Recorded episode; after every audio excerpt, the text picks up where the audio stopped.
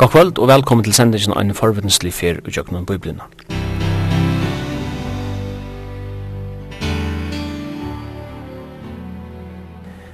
Vi er i kvöld kommet fram til profeten Sakarias.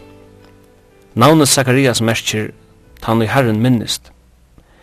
Han var samtøya profeter vi Haggai og år Herrans kom til Tarboar, Anna og Ari og Darius sett vi styrer. Hette veri omlai år 520 fyrir Kristus. Båskaperen tja Zakarias er korsen halt ørvis enn tja Haggai, og bair og jeg sjølvsagt a lesa saman i samtidarsøvene, det vil sija Esra bók. Haggai og Sakarias er av jødanar at teka arbeid oppater at bytja tempel herrans, og heita sette mød i falskje, og om år 515 var tempelet tidsi brukater i Jerusalem.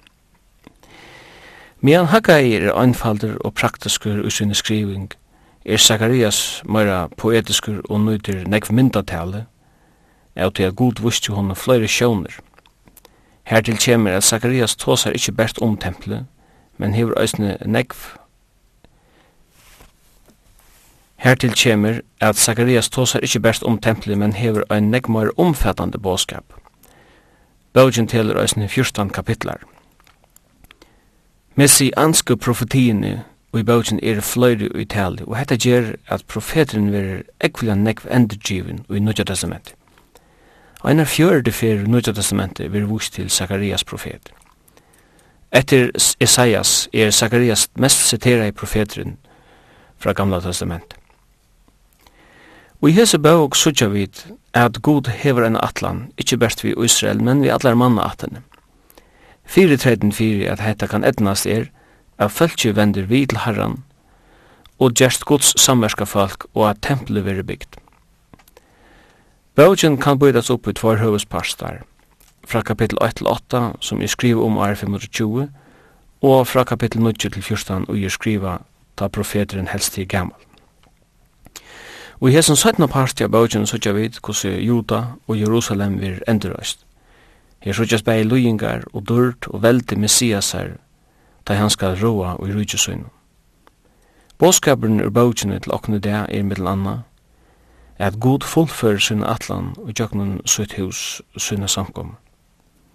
Tan som trur av Kristus til frelse, han er tempelgods, og hetta tempel innskir god an nøyda, men til tess at hetta kan gjerast er nøyet vi rønsan og endurnøytjan vi høyla i andan.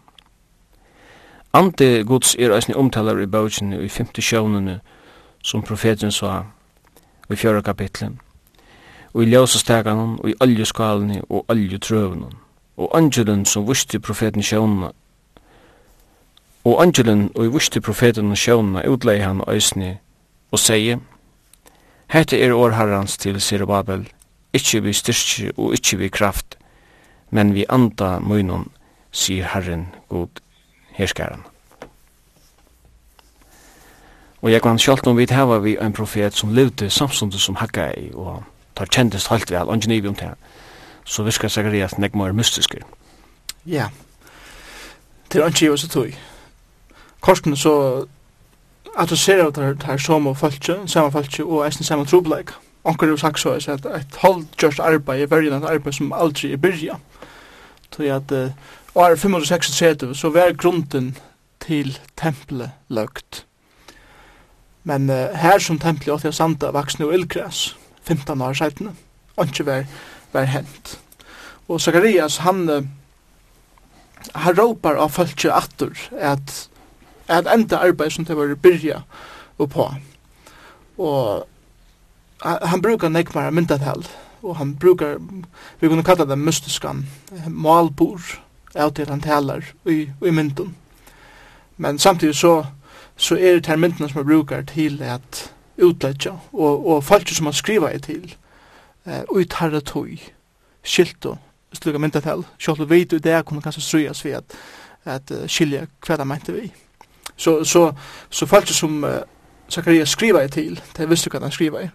Og hvis man ber Haggai og Zacharias, så, som, som var samtidig profeter, så kan man godt si at bådskaper Haggais, han var mer avminnan til falskje om at enda arbeid. Eh, hver Sakarias, han er mer, kan man godt si, mer edgjande og mer oppbyggjande i sin måte å skrive på. Eh, det er nekvar Sakarias her og i skriftene. Jeg halde det her enn 28 imiske mykje Sakarias her og i Bibelene. Og hette så sjående profeteren som, som vi taler om her. Nå, Båskaper Zacharias her, og helt stort vil det sagt, er hesen.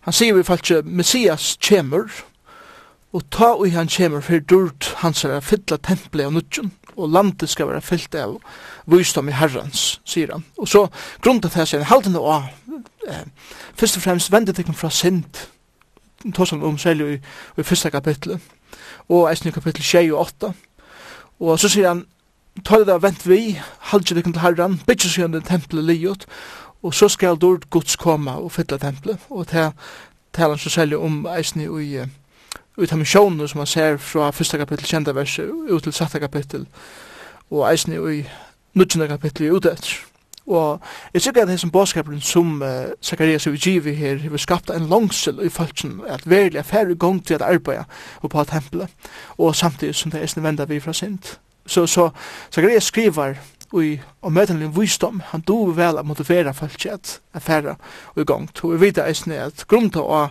bådskap i Haggais og Sakarias er så for folk i gang vi at er bytja.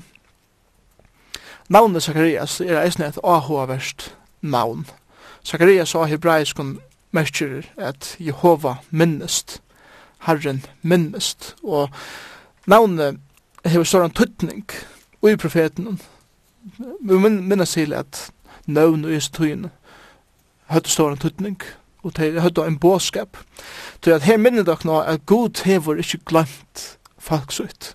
Han minnest eh, öll de tredeleis lyften som han gav til Abraham. Han minnes sottmalen som vi gjorde vi Moses. Han minnes sottmalen som vi gjorde vi, vi David. Og, og inspirerer vi av öllens her lyften som god til giv, så edger han fölkje, han trøsta fölkje. Og sjalt eisne om eh, Israel er under persiskum valde, han sier tøyina, ta han skriver, så, så minner han fölkje at god til giv kon lyftium, og han minnest at han skal grunda sitt rujtje, her han gjør, og det hever edger, så er fölkje til. Og i navnen Zacharias, er god hever ikkje glemt, han minnest.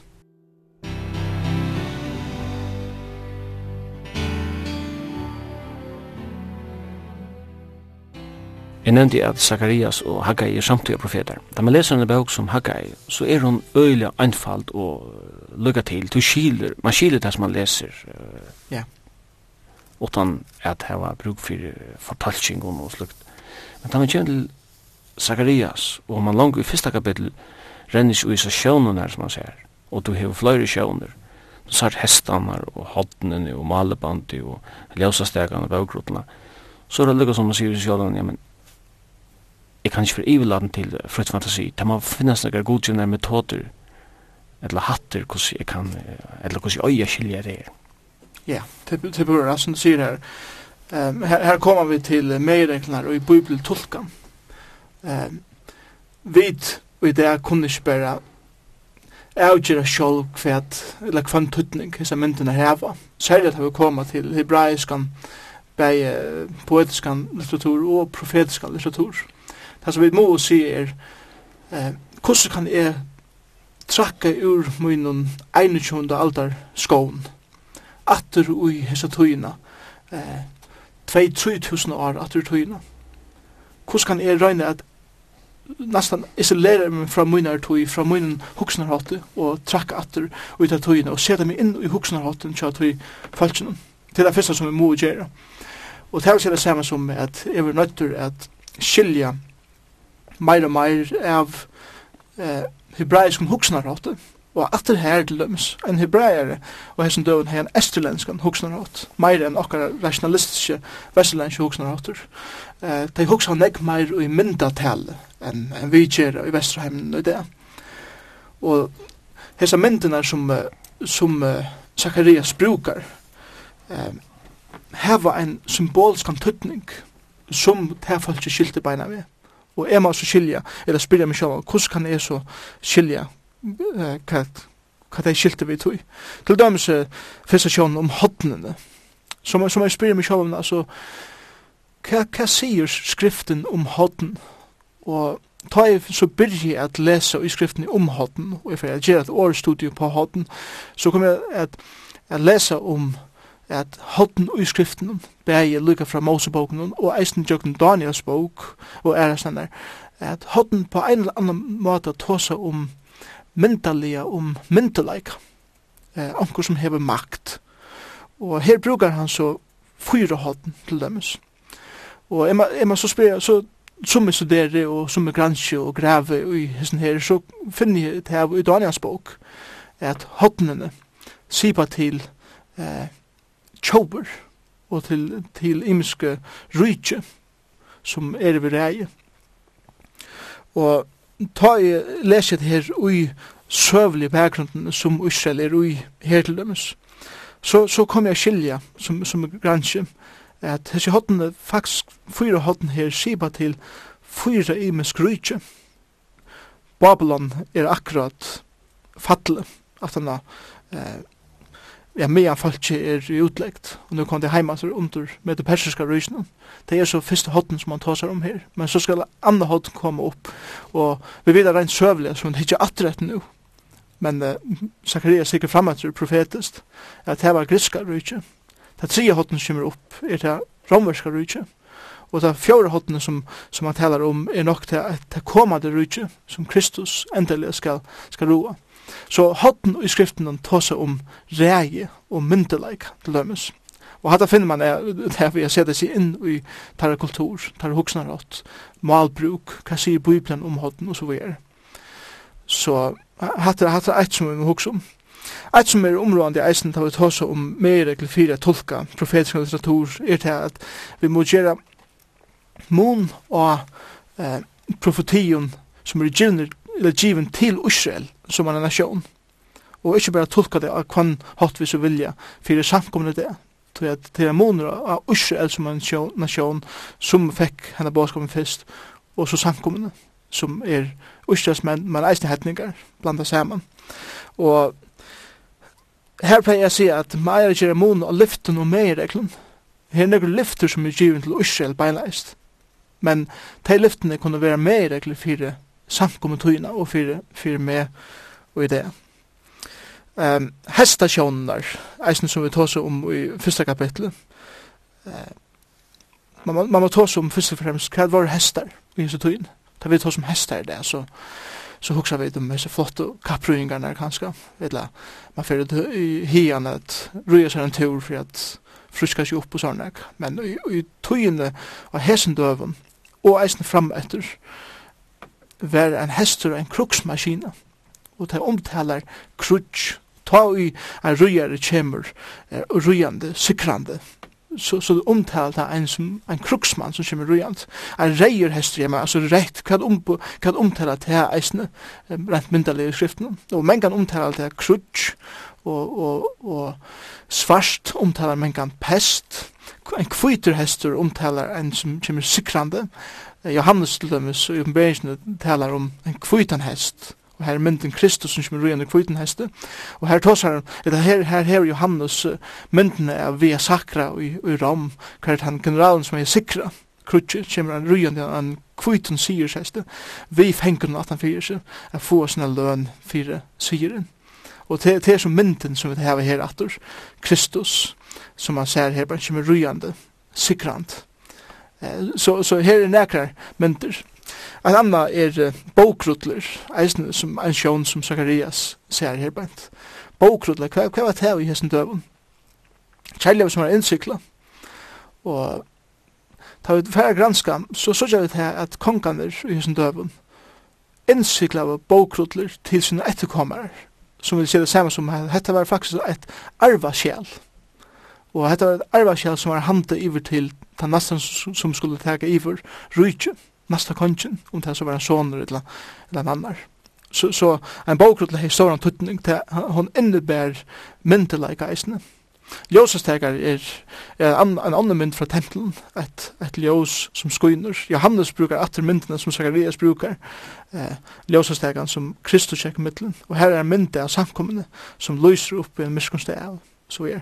så, så med regler fire er tolka profeti eh, er at vi må først og fremst sutja hva er lyft til Israel, hva er mer som vi kan genge etter, hva er myndatala, hva er sann i skriftene omtalast hessa myndnar, hvordan vil det tolka er her. Så det er størst arbeid som eh, man må gjøre, og tror jeg det er godt man kan være velagande for hver annan og just nær. Nei, hva som mynden som du inn i bare hattene og hestar og så framvis til i sår som vi sutja atre i oppenberingene. Du nevner hatten som uh, myndelega og hestar som har en militær tøytning, men vi sutja det er brukt i positiv tøytning og sutja det òsne i negativ tøytning, altså det finnes, det finnes positiv myndelega uh, godomlig myndelega, det finnes òsne, òsne negativa krefter og vi er omtala i skriften om Kristus og hans herre frelse, at det er frelse hodden i Israel, men og i åpenberingen så er det hodden symboliserer i antikrist, så vi hava uh, vanliga målsättningar här. Tar man så läser en sån bok som Zacharias och ser hodnen i omtalet här. Hur kan du veta om det är positivt eller, eller negativt? Det är så hodnen som har spjatt uh, juda. Är det ut utifrån sammanhängen? No? Ja, självant. Sammanhängen må alltid tagas efter kvad kvad uh, röjner profet, profeten att at argumentera, hva sier han åren, hva sier han attan, hva er det stora mynden ui atler bøkene. Og, og her, her sutja vi sjående, her rujtene som eh, nekka som er spjatt juta, og det sier man beina vi at, at hese rujtjene er nekka som er motor, godsfaltje, men allega så er akkur som det sista hotne er det som skal sikra i öllum hinum. Så det hever en positiv og negativ antydning av tøyna som er, er flatta saman av tøyna. Det lukkar som er til at hodden som er i kontroll av tøyna, det er tangodommelige myndelægen som er i öllum menneskelige myndelæga. Ja, absolutt. Og, og til avhåpers, tar vi ikke dagens bok eisen, tar vi hukt etter eh, standemyndene som eh, Nebuchadnezzar drømte om. Og her ser han eh, dessa sandmenn av gudle og silvere og bronse og öllum sin dyre loten som i menneskes eion er utrolig flott. Og han ser påsvide på det men settene sutja vi så myndina mynda jeg i dyren som koma upp ur sjónun og havnen og hjørne og, og det er øylig og det er akkur som den guddomlige myndin av til, til saman Så god ser eh, hessa menneskelige myndelegene som er imot hon og hans folk som nega negativt. Hver menneske sjål ser sin sitt rei og sin myndelega som nega utrolig positivt. Att jag kan minnas inte om Hitler och Stalin och Mussolini som, som samtidigt var inte men som sövan eh, kan, kan säga om att det var, var närsagt något som inte om, om avdör. Ja. Yeah. Og det samme kan sies, for nek vi det er kanskje, og framöver at vi halda nek er fantastisk og så er, men kanskje ta det ikke atter i søvna, så vet jeg kanskje så vi halda være fantastisk det øyligt.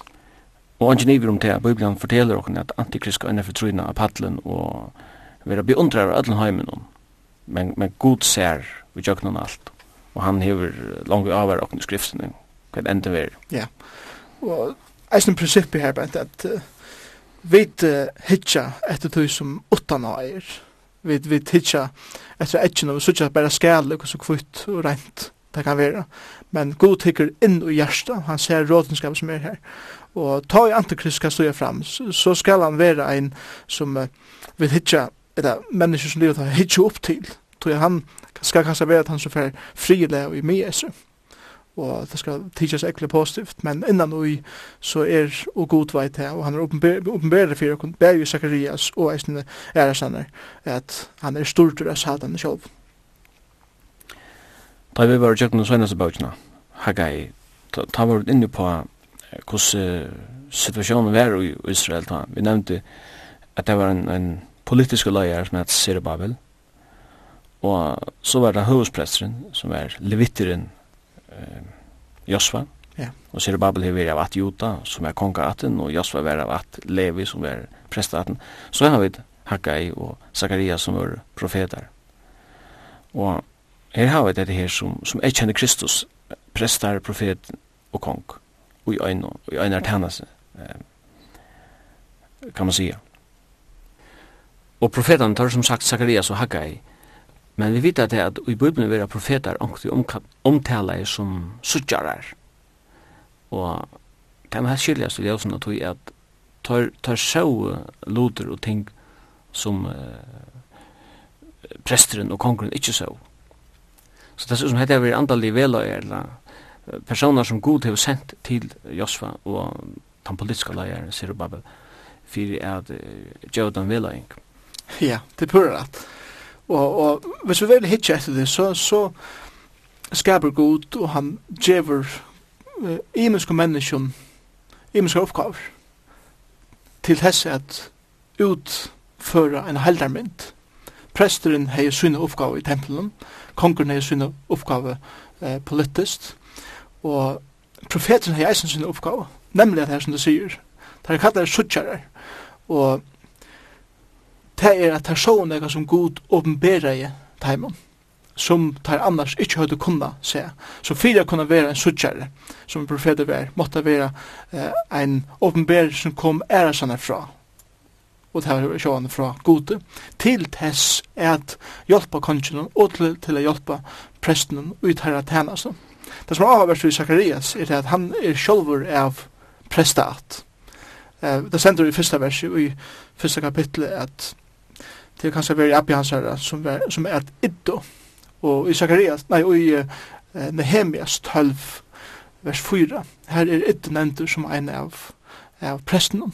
Så sjálft om Sakarias var profeter, så var han eisne av prestat. Og jeg husker om her, her eh, om ter antallige gavner som kynner til samkomne, likam Kristus her. Her har det samme vi hava öll okkar imiske uppgavur. Men til tess at alt lika kan være uppbyggt. Og onker er profeter, onker er lærarar, onker er evangelister, onker er talarar, onker er leiarar, onker er hjelparar, og så videre. Men til det samme prinsippet som vi så gjør bant, god innskjad utføre en heldarmynd og i tjøknun til imenske oppgavene som i hans er egen er at det lykke området.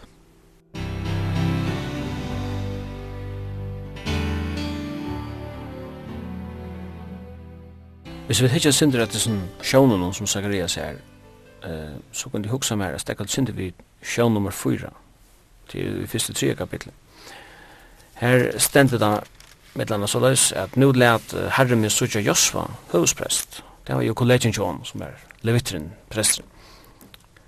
Uh, han let min sutja Josva, høvesprest, som stod framan fyrir angel herrans, og Satan stod under høgreldi hans herre, a bera fram klavi møte Josva. Josva Men Herren sier vi Satan.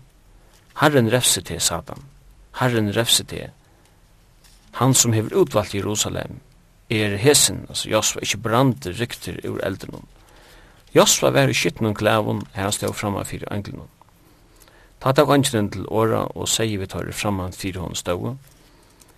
Læt han ur hinn skyttne klævun, og vi han sjálvan sier han, Jeg har tidsi misbrott et bostur fra der, og du skal nu være læt nu, Ha til jeg klær. Det ser ut som at uh, her ser profeteren inn i det metafysiska, inn i det andalige heimen.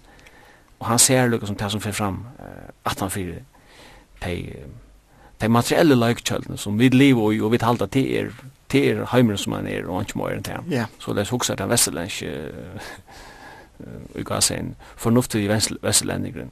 Yeah. Men Bibelen forteller oss at det finnes en en andalig ver, det finnes en skjønnelig ver, hun er luga verlig, ganska mer verlig enn det som vi sutja. Og her er det profeteren, sutjaren, som ser inn i det skjønnelig verna. Han ser med landa Satan Shalvan, som er in action, vi møter Josva høvespressen. Det minner syndrom jobbsbøk. Ja, det gjør det absolutt. Jobb sa Shalvar inte, men vi vet fra tog som han skriver at han da, at det var det som jeg fyrir seg. Og at det er det er mek med til himmel gjør som vi det skjutja. Og, og jeg tykker vi at at vi må skilja at det er så utrolig nek som gonger fyr som vil skjutja. Og her får en, en, en lite glimps av hva det er som gonger fyr seg.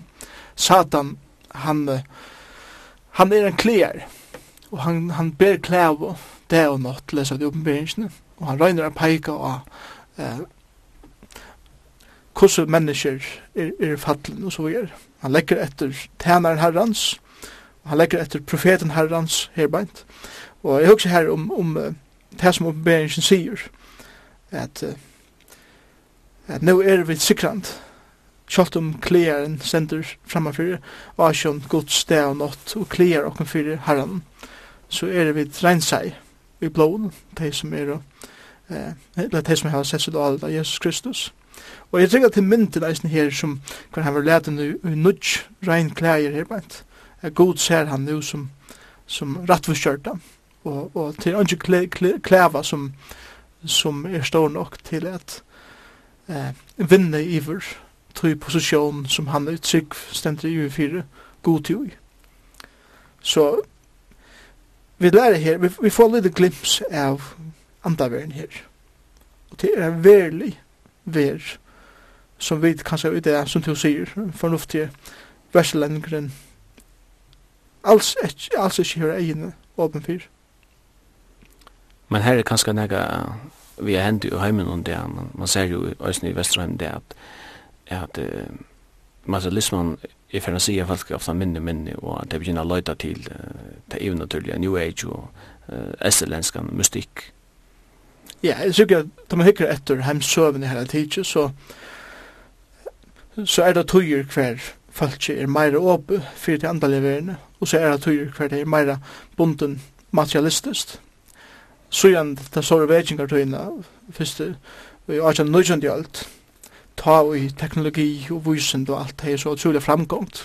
Og nu hølte vi det at, at materialismen for å være det som for å frelse oss. Vi kunne lunge om livet, og det gjør vi det, men bare snukker år, og ikke er havet. Og generasjonen som vekser opp i det, enn den postmodernistiska, vi er kommet forbi til den modernistiska, rasjonelle hoksnerhatten. Det rikker ikke, sier generasjonen som vekser opp i det hva hver kunne vi gjøre næst, hva kunne du fære nu, hva kunne du finna det som vi leiter etter, som vi ikke finna. Og det er det som gjør det at folk det er nekv åpnare fyre nemlig to i andalige. Da jeg sier det andalige, så hukker jeg ikke bare om kristendom. Det er åpen for New Age, det er åpen for karma, det er åpen for spakorsten, eller for stjøtten, eller hva det skal være, stjøttemerskjen, og så videre. Og medelig åpen samtidig som er, tar jeg hittil Vesterheimen det, så er folk åpen så langt som navnet Jesus Kristus ikke er nevnt. Og så kjøtt som navnet Jesus Kristus, så fer et rett flagg opp og motstå, kommer opp kjøtt. Og jeg tykker at det tror jeg at hinn andre brukar eisen til andalega til at gjøre folk avhåa men han vil ikkje at navnet Jesus Kristus skal, skal nevnast. Her at måte kravit eia peika av at eh, til at mennesker er åpen for det andalega er i seg sjálfum kan være positivt, men vi må bruka det til å vise av at det er ein som stender i rei i vår ødlom andalige, og han er han som skal hava det sørste året jeg sier og han eitir Jesus Kristus og ønsken andre. Hvis vi hittar det nere at det som stendur om Josva og det som han uh, at han blir avkart av satan. Så uh, løyda tankene til en samtale Jesus sier vi apostelen Peter bant og æren Jesus løy at han sier vi, vi uh, Peter at satan vil hava til at solda til uh, som kveit men det bæfyr det er trygt hun skulle ikke svitja og tæt og enn er vi så styrkta brøvrene og ta tegit seg som er Peter Ekle Bilsen og lovar at han skal være trygg og skal fære deg Men Jesus sier, du får ta svitja med Arne Hene, for jeg gale du svitja med, til jeg nokta med trutja fyrir. Det ser ut som her er øysen hekka fære fram ui tui au kjønnelig og i andre verden, at Satan vil de hava Peter, og han er akkart Peter, og i kjønnelig verden. Og Jesus lukka som, som ser alt, bei tui ut i materielle verden og ut i metafysiske verden, forteller ganske almindeligt og rådlig for Peter at Satan vil hava at meg og bygge for det. Ja. Yeah at det er fantastiska eh, trykkjant tja en tryggvandi at, at høyra tog at eh, Satan gong rundt som en brøland leiva og han innskjel øya öll som har sett seg av Kristus. Det var eisne avverst korst at han var ta Jesus hei, nei, ta i Peter hei jotta Jesus som Messias som Kristus så sier Jesus vi han beint at nå, Satan fær as rumme. Og det er akkurat som her at Satan brukte Peter til ta Jesus åpenberer velja fire Peter og lærersvann her at det som er velja kommet til er at leta mitt liv og ikkje kommet eh, i første skiftet at sikra av romerska rujtjennom som tar helt Messias var kommet til og Peter han kjers i øyne tar Jesus sier at han skal loja han skildas ikkje og, og på ankra måte eh, brukar Satan til nesten som våpen mot Kristus, Kristus sier Satan for hans rom. Og her sier han så, jeg skal bli for det. Vi leser i brevbrann eisne at Jesus, en av tæna som Jesus er i himmelen i det, er, er ikke best at gjør okkur stedler reier, men det er eisne a bia fyrir okkur. Jesus bier fyrir okkur kvarjun badnesynen, vi navnet sikker vi i det, fyrir verje okkur fra svika all upp med djevelsens. Vi leser eisen i Rambran 8, at ta i vi ikke vita hvordan vi skulle bia langer. Ta er det så djup som heile anden teker framfor Asjon Guds og legger framfor ham. Så vi tar akkurat som alle trøya entene her involverer jeg, og vi halter henne tryggvande opp. Og hele det er et helt fantastisk en fantastisk oppmuntrande sannleik. Jeg vet at det er at vi trygg på Jesus, Jeg har ikke bare brøver og systrar som blir for meg, som er sammen med meg, men jeg har selv tru endene, som for det første, og i nøye så er det rett til hendelsene ut, er frelsa. Men at han har det, hvor er det? jeg fører meg ikke noe liv i det, halda meg oppe, av bønne ønsken. Her som fanns sannleik. Så vi vet lite om hva krefter som er, som vilja øyleggja okkara liv, okkara møvlegar, okkara vittnesbord, okkara tennast. Ja, yeah. Og, og verre, så, så halte jeg til at vi som mennesker er mengan så utrolig at bensin fire eh, brølen, leivene. Eh, og, og vi tar mengan hoa liva liv som om at jeg er jo ikke, veist, og, jeg er så syndafotler, jeg er så vanalig, er så skrøypelig, og så videre. Nå, det er til rett, det er det vidt, men vi må ikke glemme takk hver vi er i Kristus, Vi hava tru endina som heldur okkur oppe. Vi hava loiv Kristus her, heile og andan ui okkur, og som gjer okkur eh, myndeleikan at liva sikrande andan i loiv. Og det som er, er som er utrolig avhåverst, ta i Peter brukar myndene her av leivene som brølar, for at øya kvann han kan få fætra. Så er det utrolig avhåverst at, at skilja kvui leivan brølar, da han finnst som fang, Det er ikke tog at, at hon er så utrolig stersk. Hon prølar fyrir at ria öll hine vildurne borster, bei fuklanar og ulvanar som, som vil hava et petti av dyrene som leivane fenga. Men av til at hon brølar, så, så gjer seg minne dyrene bensjen, og det tør ikke koma. Men om det hadde blivit vi a koma, all leivene, så er det enda vi at leiva for fra synen eh, fondje, til at hon er faktisk bensje fyrir etlens luttlu, ulvun og fuklun og så videre. Sama, hvis vi vet som sykvande, ikkje er bensjen er suttja brøl djevelsins i okkara omheim i det, at vi tidsja etter heimerne så øyliger, og vi er nesten hoa greia okkur nyer som sykvand. Men sen fyrir vi sier at vi er sykrand, Kristus hever lov at han er vi og kun lykka til enda tøyrene, leda kun herja, så skal, skal, skal Satan sannlega eh, djeva undan, mengan. Og tog eier vi til å lære at suttje okkun sjálf, ja, vi er syndarar, men vi er fyrirtjunni syndarar, vi er kraftheilig andans, er herja og eh, sikrand, og at det som Satan hefur kratta til sunn, men det som Kristus eier. Hvis vi fer ut til det femte sjåna, så har vi vi ljósastegan a gjerra. Og tøttingan av ljósastegan, hun har vi her, Hetta orð Herrans til sér Babel ikki við styrki og ikki við kraft, men við anda munum sér Herren Gud herskaran. Så at han allir seg utlegtar ærene, og hver falski kanska mengan falt ut som om det var sleppt på fjall, så var det lukkeval en god som lakte. Jesus er ikke lyst. Han lyste stavvek, og, og Israel måtte skilja til at det var oljan og i ljøssagan som gav ljóse i tempelen, og eisne i i tabernaklen til det lyste. Og oljan, hon skulle sjåan fyllast opp. Og, og mynden av oljene i, som gjør ljøse i det er hele anden. Han er oljan som, som fer ljøse av lysa. Vit, vit er ikke som så ljøse, vit er ljøsbererne. Og, og det er vi det er ikke vi, det som sier her bænt, det er ikke styrstjo vi kraft, det som meina vi tykker vi her er, det er ikke vi menneskens styrstjo eller vi kraft, det er eh, menneskelige myndelige som er, men vi anta munnen. Og det som, det minner vi av det som Jesus sier, at de skulle få kraft, verlig kraft, ta i anta mun kjemur, det skulle være vitt mun, til det er ljós mun, Kristus gonger mittel ljós er han er ljós, men han gonger mittel stekanar, Og hetta det viser okkum á at god er han sum lyser upp i okkara tøy. Da det ser mist út, so er ta vit sum eier bera ljós Kristus her upp. Og han er ljósastækin fyrir Israel, han er han sum skal lýsa Israel av vi. Og til lyfte til Israel her. Meira kan fyrir okkum er han skal eisne vísa okkum av vi. Jeg kan arme slippe som sjånen og hedde hun jeg kan si om der.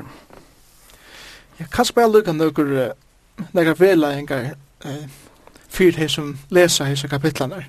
Og her er også særlig om hese kapitlanar fra fyrsta kapittel vers 6 og luker ut til satta kapittel og vers 15. For det første, som bådskaper er given i nottar sjånen, så det er akkurat som at, at god åpenbærer seg fyren, og han, let, han leter Zakaria suttje hese sjånene og nottene. Og det er jo åtta pørsten, så det er åtta. Det er ikke separerer, men det er tenkt der ukvar er, og heva en helter båskap. Hesa åtta sjånar omfæta et egla brett tøyarskai. Eh, Lyka, det byrja fra tøy Sakarias her, hans er egna samtøy, men lyka fram til tusenarrykk, som enn er framtid fri okkom, enn ui det. Et annet som er avhåverst, er god åpenbærer hessar hessar sjónar, men til en angel som er sender av god, som tolka der fire, Zakarias. Og eit som vi sutja atter og atter enda til er, at Zakarias sier, ta i sjónene kiven, hva er hettar? Sutja det enda til atter og atter. Og så er det styrelsen angel fram og leggur så framfyr Zakarias hva det er. Angel sverar, kan man godt sige. Sjønne enda vi Josva, at han var krundur, akkur som høvesprestrebant, og hette myndelig tala av at ein dag skal Kristus vera krundur, som bei prestur og konkur her er gjør, og ta, ta omtalar rujtju som han skal grunda. Og så fyrir det senast, eh, Hesa sjónar er ikkje bare profetier fram etter, samtíð sum sum må skriva minnes til at Zakaria skriver hetta til sinna samtidig. Og sjónar var en etjan til at hava vogn, og eisen til at, at hava meir trygg oppa det som god hever eh, lova dem, så at han oppmuntrar til det som er kommet ur utleggt. Og så sjåan det eisen sujane fyrir öll ånder, eisen fyrir okkene det, som enn bui etter, at herre skal komme atter og teka okken heim.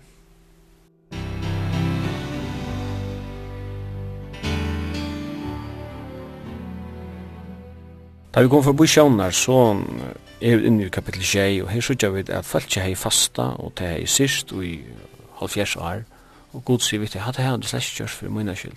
Og så får herren å fortelle dem noe som kved i verlig fasta, og verlig omvendiger, dømer rattvise dømer, og vise kærleik og miskunn, møte hver øren kue ikkje anker og feirleis, fremmand og fatak, og opphokse ikkje ilt i hjertan hver møte øren, og så framvis. Jeg synes ikke at det dømer om det som er sørger, så mengan i søv i Israels at uh, en stor parst av det gudstyrkan var bare tom ritualer.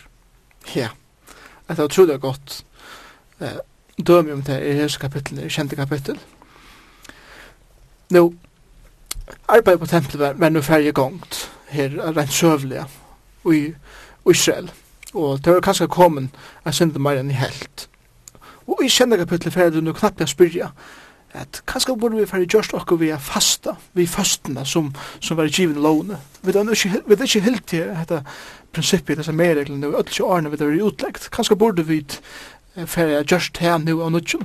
Zakarias er utrolig viser i sin sverige her. Han sier faktisk kvart ja eller nei. han sier ikke ja, la dem gjøre, han sier heller ikke nei, la dem ikke gjøre det. Og han, han, han ser under, kan man godt sige, under vandskorpen. Han ser iver, altså han ser til at til negan som er nekmar områd enn bare for å halda enn første. Trobeleidjen tja Israel er nek gypri enn bare at for som du sier, er færa praktisere okkurst utvorstes ritual. Det var nek innvorstes innan ui som først og fremst skulle ombrøydast hukkboren eh, tja, tja folkene. Og Ikke det utvarses første, men det innvarses. Og her er det kærleisen til god. Og han sier, eh, rent sosialt er det lengt av lei, andalega er det lengt av lei, eisne. Og let det god komme inn i tekkar liv, mynda til kom først og fremst. Fær gypri enn bæra til iveskorsene, fær under.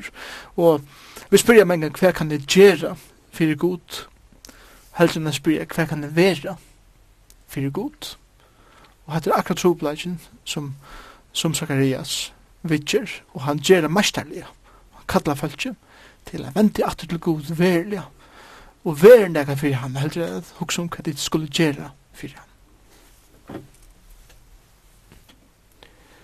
Kapittel 8, jeg kan tid lukka som sørste kapittel i, i fyrre helmengi av bautjen. Jeg sørste vid, jeg sørste vid frelse Israels. Det viser som at uh, de følte vent om, da du har sanna omvending, og da har gjort sinne synd og vendt om til herran, så er frelsan alltid. Det er så stedet og hardt. Ja. Nei, er gods er alltid det som sender, sørst. Det, det er det som er grunnleggjant. Og her, her sier eh, Zacharias, og i jøkken sjående år herran som kommer til han, at Israel er her atlan vid her. Tan atlanen er frelsa han atlan er at jeg skal, jeg skal komme, sier du tre verset. Jeg kom i atter til Sion, og så, her som brukar jeg myndene, jeg skal byggva i Jerusalem. Og det er simpelthen, jeg skal teka bostem min, i middel mot folk. Jerusalem skal være kalla hin trofaste staveren, og fjallharrans, godserskærene, hitt heilaja, fjallet. Og han sier her at tid har vært utleggt, tid har vært jøkken negv, tid skulle jøkken negv, men ein dag for dagen har kommet, hver Israel, Jerusalem og fjallet her som god var tilbyen, skal ein dag at det være endrast og få det steget som skal være kallet bare trofast og eisne heilagt, heilagt gods skal komme til steget natt, et lyft som er givet til Israel her. Da vi kommer til 19. kapittel, så eh, så er vi kommet inn til eh, annan part av bogen. Og her er, eh, så jeg vil dømes, at et land vi nevnt som heter Javan, og som er Grekaland. Og vi vet, vi vet fra søvende Grekaland kom til maktene i omlag 440 4 Kristus. Og om så er det hette henvise til Grekaland, så kunne vi staffa seg til gengje en 40 år i middelen, 8. kapittel og 9. kapittel. Ja. Det er altså det samme som at nu er han tog gynnsen hver Zacharias hever, som man sier, arbeidet i det sittla. Han må bare komme mer opp i arn. Han må komme mer opp i arn, ja. Jeg, jeg bodde bøyde vanlig opp i på fyra parster. Fyrste bådskaperen, kapittel 1, vers 1-6, åttenda måned, åttenda måned, Anna og Darius, den fyrste selve styret år 520. Anna bådskaper som kommer fra kjenta vers i fyrsta kapittel lykke ut til satta kapittel 15 vers som er åtta sjoner. Og her sier han at dette fikk vi etlenda måned. Og i Darius den første servistyr, Anna år, eh, han servistyr, satte fikk år 520. Og i kjenta åttende kapittel leser vi at jeg fikk i sesjonene, denne bådskapen nudgjende måned, fjóra år i Darius, det Østafissa vi styr, så omlai år 518 nu. Men så tar vi komma ut i 19. kapittel, og året som man brukar her eh, er spådommer, spådommer herrans, er given til Zakarias, men anki år er giv, omlai fjóra år setten, så han er helst nu vore en, en eldre maver. Um, spådommer, er et avhverst år. Det kan eisne omsettast bira, en, en, en bira som given. Ta vet hok som spadom i okkar tog, så så så jag vet eh, en tryllekonstnär vi en stav i hånden som, som gjør akkurat gamt, men det er ikke tuttning av sånne åren her. Eh, spådommer, hebraisk år i her, at jeg, jeg har finnet en byre som jeg ikke er bedre fram. Herren har lagt meg nægge hjärsta, jeg sier. Og i nødgjenda til 14. kapittel, som er sjående andre helmengre av bokene, eh, kunne vi bøyde opp tveir parster, til jeg vil ha tveir spadommer. Den første spadommeren er eh, nødgjenda til 11. kapittel, og så tar vi lese i 12. kapittel, så sender atur spadommer. Og det er akkurat som andre, eh, eller andre helten av byrene som han fær. Nå, hette er særlig, eh, han er ikke særlig framme etter, Men allega, og i fyrre helt av spadomnen, eh, profeterar profetenen eh, profetier som vera der og i tøyene mittlen gamla testamentet og nudja testament. Eh, hese 400 årene som kjenker fyrir seg fra til Malakias og gamla testamentet leder atter og inntil eh, Matteus leder opp atter. Og til dømes vi lesa om eh, Alexander Stora eh, i samband med sier han at Tyri og Sidon, og her og i nødgjende kapittel, de første fyra versene, han, han sier bare til her at at rujt skal komme, og det skal sikra av Tyrus og Sidon, som tar halda seg vera klokar og så videre. Men uh, Herren skal arma til ut og renna murar tess og i sjekven, og skjolt skal til være øyt vi eld, Hatta var uppfyllt bøkstavlig, da Alexander Store herja i tyri og siden. Muran er fotlo, og bøyre var øytter vi elde. Er det profetier som gjenker fyrir seg ui nutsna til 11. kapittel, er eisen profetier som var uppfyllt av Jesus, vera gjørn, de messianske profetiene om hva Jesus var kommet a gjerra og, og, og hva han var kommet. Og annars badrum, særlig fra 12. og 14. kapittel hyggur fram, fram etter i framtiden, særlig da vi kommer til 12. kapittel, da tås at om framtiden, eisen fra okkar tog, er at ein dag skal Herren komme atter. Eh, Antikrist, i 12. kapittel skal eh, hashtagga Jerusalem juda, men ein dag for Israel er venda vi, 12. til 13. kapittel, og 14. kapittel tås her om er det komme Jesus er han skal komme og grunda så rujtje her gjør, gjør er vi allan ønskap, og han skal seta sitt rujtje og grunda så rujtje og altur og allar er Så profetier lykka fra Sakarias her tøy, Jøgn Jes her tøy, og atlan vei fram i framtida enn fra okkar tøy og det.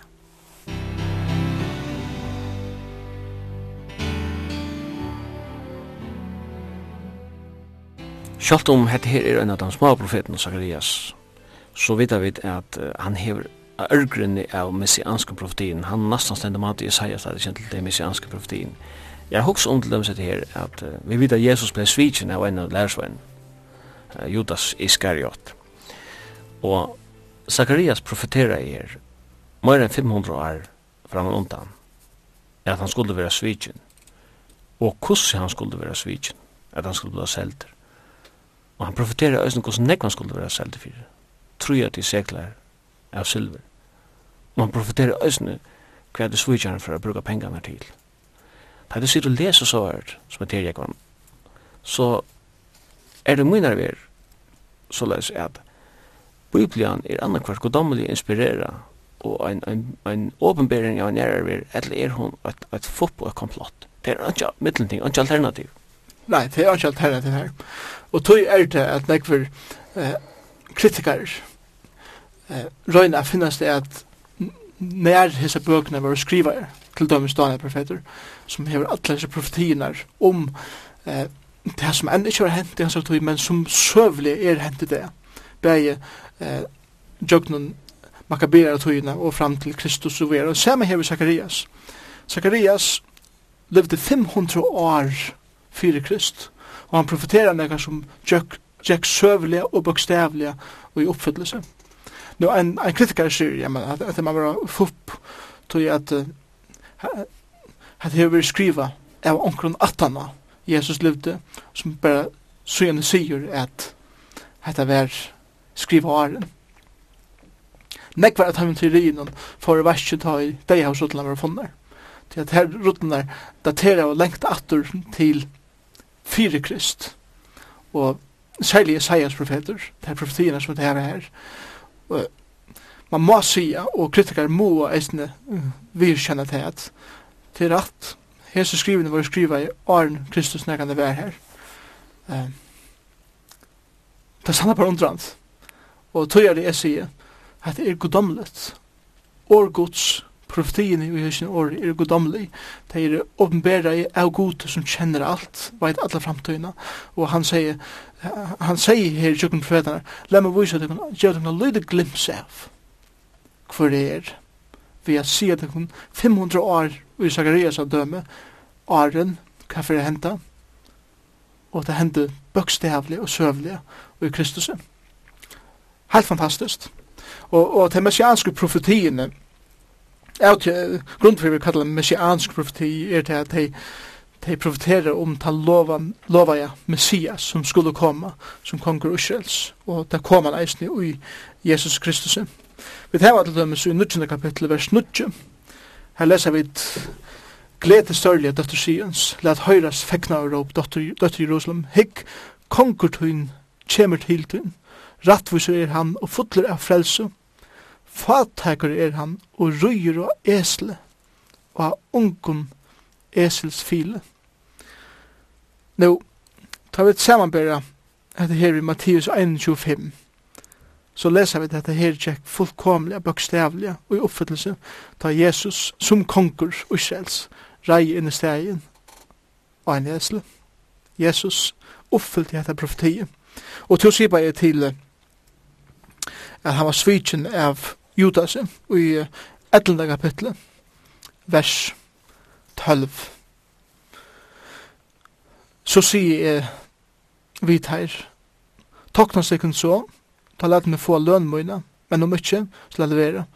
tar vi og mer, ta lønmøyna, tru tryja til seklar av silver. Da sier herre vi min, kasta leikjørs min, kasta leikjørs min og til, hetta oføre vire. Ta settu, med oi. Og så sender jeg tog, så tar trya til silverseklander og kasta i lærsmennene her i huset herran, så vi er. Vi samarbeider til her vi eh, Mattias 22, nudj.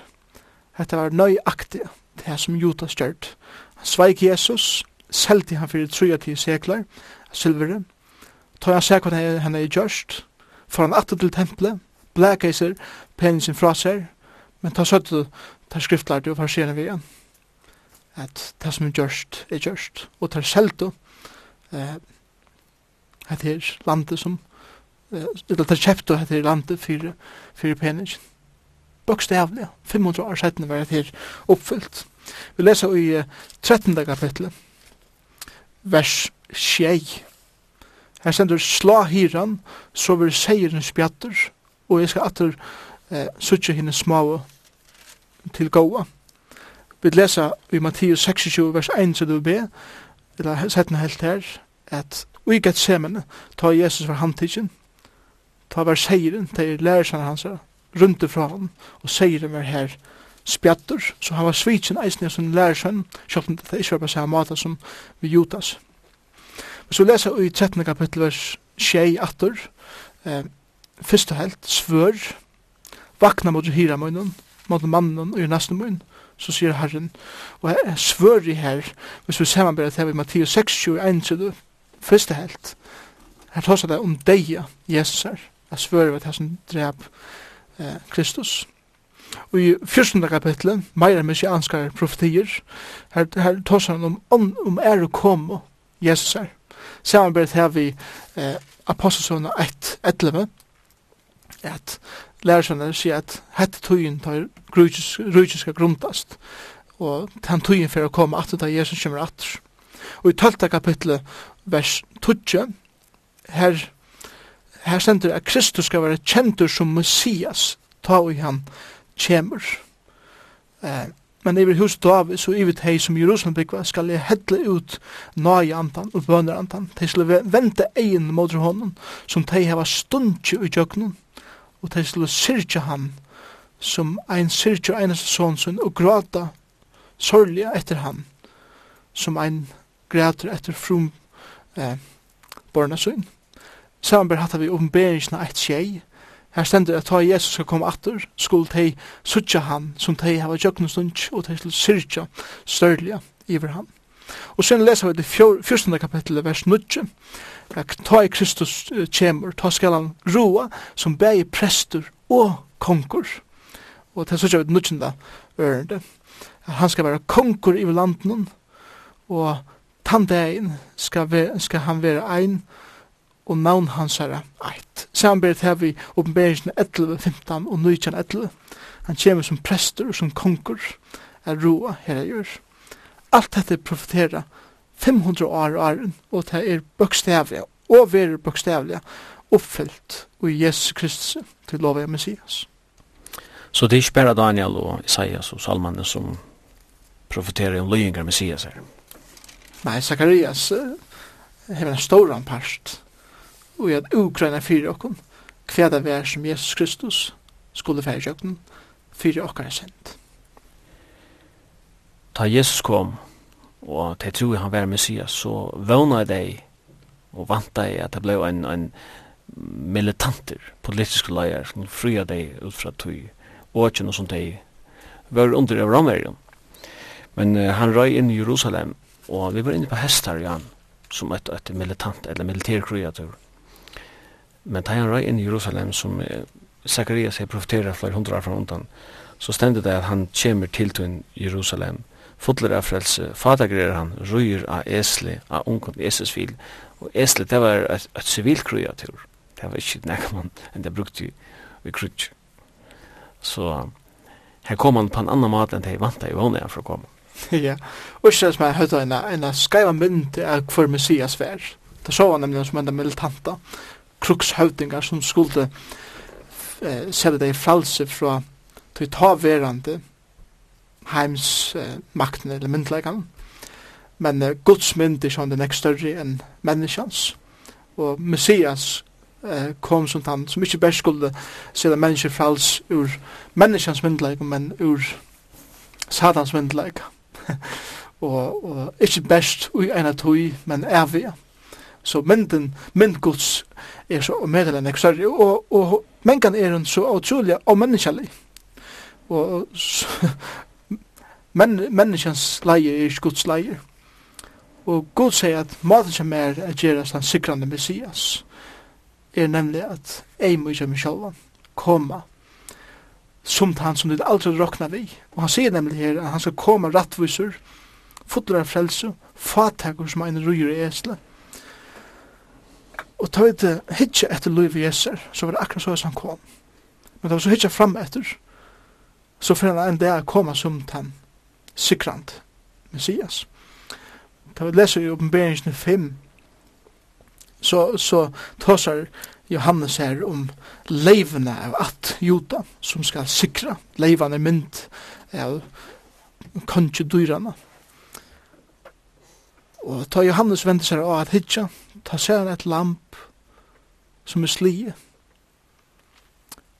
Og at akkurat mynd som det her Kristus er Han måtte komme først som lampe, som eimøktelse, som gav sitt liv, fyrir at han kunne komme som leivan av atjuta, sikrant og til sigurs, og endeløysa følge. Men endeløysnen er den evige, den djupa endeløsningen av salene, endeløsningen av menneskene, bjørga fra helvete, bjørga fra valde satans, og det kostar i gode sitt egna liv, som han søgjene tog i myndleika oppater, da Kristus reis oppater fra en deio, fyrir jeg og i søgjene løyve jeg kunne djeva et evet løyv til öllterra som tryggva var han.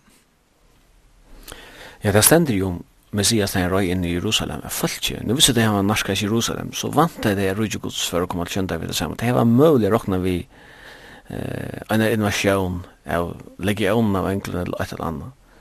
Men Herren säger vitt det att Rujtje gods kommer ikkje på damata som tidrokna vi tog til enn enn utøkken. Til herra god gjer det første invasjonen, om så man sier, at han vil få rei i menneskans hjärsta. Ja, god brøyder menneskjelig innanifra, først og fremst. Trahavers tar Jesus rei inn i Jerusalem, og til det Det hade råknat vi omkring helt stor oss och de brett sina kläder, de hade palmagreinar, palmagreinar bibelst er mynda på at Att de gläddes at nu er tøyen kommet, kan vi slå få och kan räge annutjon. När kan få det är sätten hongur Kristus og krossen. tøy er fölkje hei vanta nek anna. Og tei venda seg mot sånn, tui at tei, han var ikke det som teg råkna han skulle være. Kan man ikke råkna vid at uh, det for en større part her var det som falskene som det palman er av veien og rapp hos i anna som få det er sættene rapp crossfest, crossfest. Akkurat den samme, hovedbrunna falsk. Så, så kjøtt kan menneska hjersta ventast. Men de er ikke se Kristus som en frelsere, som kunne bjerga heimen eh, evige. Men det er se han som en politisk leier, som skulle frelse deg ved en tog. Og det som er så underfullt av ødlen er det at alt dette her var pastor av røye gods. Det er ikke plan B, krosseren. Det var pastor av røye gods. Og de råpene, krossfest, krossfest, var de råpene som korsene evige var vi til at se de menneskene og i det fralse som hun verlige, verlige, innast trångte til. Og det er ganske høskende jeg sier at det samme frelsen som han vi blåsen vann uh, for sin egna fall hon er galtande for akkurat landsmenn, allar føringar det som vi trygg venda vi og råpa Jesus Kristus til frels. Ein kvann føring stendet det i båje til a råpa av Kristus. Og jeg trygg vi eisne at mange av heimen som røpte krossfest, krossfest, kanskje nøkru år sættene, eller, eller måneder sættene, kanskje bøkte sin nøkne eisne fire krossene. Og båskapen her til okkar landsmenn, føringar i det, kan, er, er han at vi kunne råpa okkara kritikk og okkara eh, hætur imot Kristus. Men møveleikin er ikke ein og kvarjon, eisne, er bodja sinne knø fyrir Kristus. Kristus fyrir kjevr, nøyen er alltid det som sender fremst og hakst, og lyga mykje kafir luiv ein hefur først. Lukka mykje hver bakgrunn ein som er fra. Lukka mykje hver ein hefur gjørst og sagt imot Kristus. Lukka mykje hver ein hefur banna Kristus vi sunne munni og sunne gjerun. Så sender Kristus vi ut breitina armen vi måtte hånda til henne og sier eisen te døye fyr. Eisen te helt evra verdan at leta min ekla og krossen fyr Tu erst vi ui frelse og atlan gods. Frelsan er golden. Jeg har gjort alt som skal til fire at djeva til luiv, fyr at oppfylla til tomrum ut tøyne luive. Erst du villig, erst du villig til at teka mot skavn. Hon er golden, men vil du teka ham? Og det er båskaperen som vi bæra i det, at bokt hun knø fyrir Kristus og få en nytt liv. Et, et liv sammen vi honom. Og jeg er mjuk leika samtidig som det er liv sikrant vi Kristus. Sjeiviger at han er pastur, ta støy pæter fram av kvidesson den, og tala jo falskje sette, hva skulle vi gjøre, sier falskje. Og det var sikkert vi nekva dem som uh, røpte hos i Anna, da han røy inn i Jerusalem, og som røpte krossfest nekva der søttene, Men som Kjeviker så hadde sagt, hva skulle vi gjøre? Og svære vær, vende vi. Vende vi, helt sikkert. Jeg sikker at Peter har tåsa, eller tala til her vi selger myndleika enn det inn. Ikke bare tog, sjån først og fremst tog at heile handen er ikke bostad, han er finnes myndleika, den goddomlige myndleika. Men minst til Peter han sveik Jesus, trutja forbanna jeg Jesus, det kvalitet han var, eh, han var tidsin, Ta Jesus var reis upp fra en deg, så kommer han eh, fram i vattnet, gjør en morgen med klaran til der. Og ta Petrus her til Jesus som er opprisen, lyper han ur baden, og teker kappan om seg og svimer i land. Og med det sier det her, og etter så tykker vi at Jesus lener seg til Peter og sier vi at Peter elsker du med. Og Peter visste at det senest han hadde sagt om Jesus var det, at han kjente han ikke. Og han sier Jesus, ja, jeg elsker det. Ære for seg, Jesus.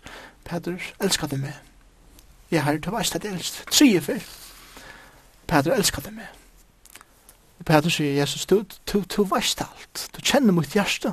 Du veist at innast i min hjerte dybe, Så er kærleisen her. Og det er akkur som trutja fyr, gjør han Peter møvlegan, jeg sier at jeg elsker det. Trutja fyr er nok det, og trutja fyr kunne jeg sier at jeg elsker det. Og ta i han jo steg fram henne dagen, og i apostlene tvei, og tala. Tala han ikke best for myndelaga andans, men han tala eisen i myndelaga han tja en mann som er færre, fyrirgjeven Kristus er, endurreisen Kristus er. Og la det eisen være en opp, uppmuntra og etjan til eh, de som har sett seg av Jesus Kristus, men som kanskje er fotlen, eller på ankra måte okkur som er kommet i livet, som vi gjørst til at er vidtjen er lei fra Kristus, Kristus innskjer eisne få en privat samtale vi til det. Elskar det meg. Og han gjør det muligheten å si hva det er som ligger aller djupast i tunnen hjertet. Tog at et menneske som er verilig frelst, som er verlig å komme til trygg var Jesus Kristus som hever bostad antans og ser. Sjalt om det kan være tøyer hva vi kunne avnokta og nekva komme inn, så innast, innast ui her ligger en langsel som einast skal mettast, og Kristus er viljer til å sige, kom atter, kom atter, enda nu nødja samfunnet, og jeg skal djeva til myndelig kan det færre hvor. Så det her er en etjan, og en oppmuntran om til en unger jenta, eller unger ronker, eller en eldre maver, en eldre kvinna. Kom atter til Herren. Ivergiv til loiv av nødjan, og er fær, hva et verlig fyrirkjøving er, og hva endurreisning er, så at du kan sa nødjan, ombå Kristus og i sin vittnesbord vi kraft heile andans.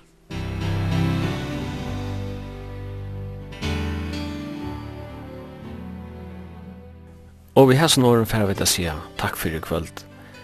Og i studion er Simon Absalonsen, Jekvann Zachariasen, takk for i